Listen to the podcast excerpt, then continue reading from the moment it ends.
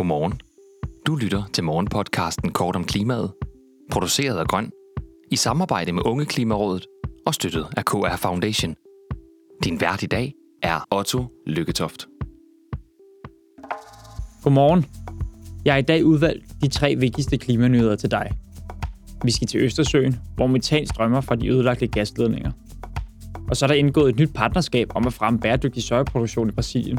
Og til sidst skal vi til Aarhus, hvor en række ophidsede borgere stiller spørgsmålstegn ved planerne om havneudvidelse.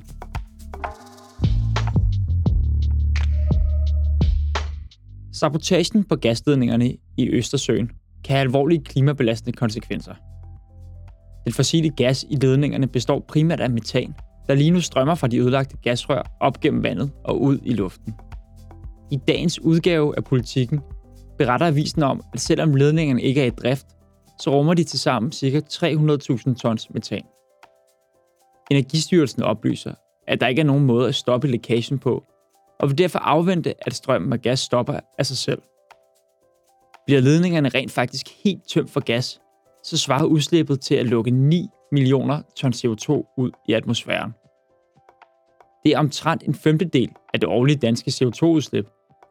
Og som politikken skriver, så er det mere end det CO2, der kommer ud af udstødningsrøret på samtlige personbiler i Danmark. Politikken oplyser, at ingen af de kilder, de har talt med, tør komme med et bud på, hvor stor en del af gassen, der rent faktisk slipper ud. Det afhænger blandt andet af nøjagtigt, hvordan gasledningerne er designet, og deres forløb hen over havbunden. Men billederne taget af forsvarets F-16-fly indikerer, at der er tale om store mængder metan.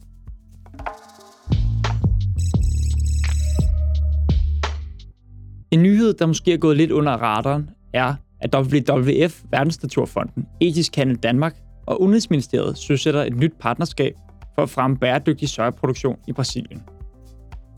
Danmark ligger lige nu på en kedelig top 3 over lande i EU, der målt per indbygger sætter det største fodaftryk, når det kommer til afskovning. Det skyldes primært Danmarks årlige import af ca. 1,7 millioner tons soja til dyrefoder. Bo Øksenbjerg, generalsekretær i WWF Danmark, udtaler, Danske virksomheder er storforbrugere af soja, blandt andet fra Brasilien, og en del af den soja er desværre ikke bæredygtig og har afskovning på samvittigheden.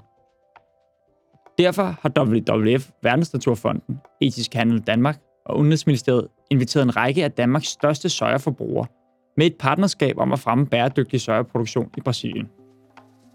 Målet med samarbejdet er, at Danmarks sojaimport ikke længere skal bidrage til afskovning og ødelæggelse af andet natur.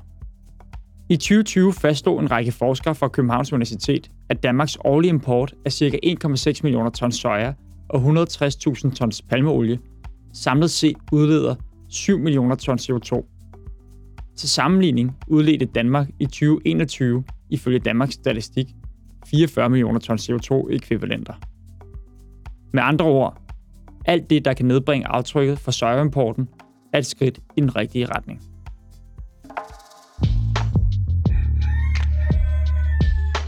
Dagens solstrålehistorie, der i hvert fald fik mig til at smile, da jeg læste den, finder vi i Aarhus, hvor flere hundrede borgere i går aftes var mødt op til et borgermøde om udvidelsen af Aarhus Havn.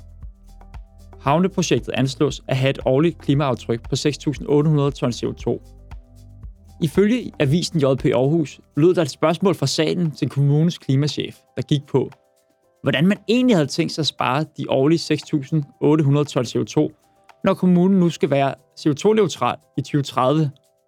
Til det svarede Aarhus klimachef, at det er jo et politisk spørgsmål. Den fremmødte borgmester, Jakob Bundsgaard, havde sikkert håbet, at det blev en stille aften på kontoret.